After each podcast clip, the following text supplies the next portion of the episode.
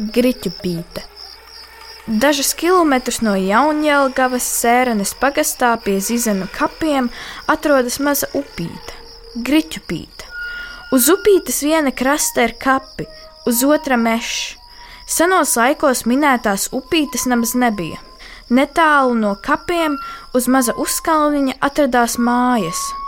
Šīs mājas apdzīvoja vīrs ar sievu un trim bērniem. Jau no pašas pusnakts viņi gāja uz rīju kult labību. Kādreiz, kad vīrs saslima, sieva kūla viena. Te ienāk kāds liela auguma vīrs un stādās priekšā kā muškungs griķis.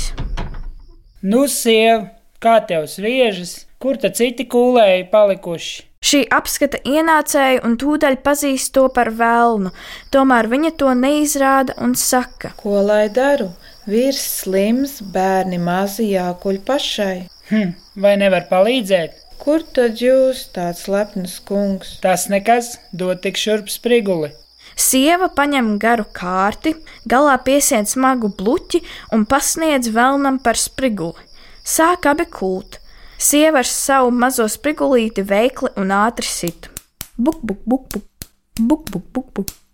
Velns saprotams, neveikli un lēni. Būkš, būkš, būkš, būkš. Piepeši viņš iesaucas. Kādēļ sieva tev tik ātri iet, bet man ne? Gribēdama no velna tikt vaļā, viņa ar gudrību saka: Tāpēc, ka man ar karstu dzelzu uz kājām izdedzināts sprigulis. Nu, velns lūdz, lai arī viņam iededzina.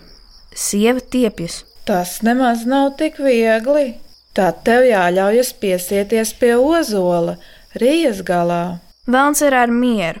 Sieva to piesien stiprām ķēdēm, bet līdz ko liek klāt karsto dzelzi, velns ar visu ozolu prom. Skrienot, viņš izara ar ozola saknēm līču loču grabu, kura drīz vien piepildījās ar ūdeni. Tā kā velns bija uzdevies par muškungu griķi, tad upīti iesauca par griķupīti.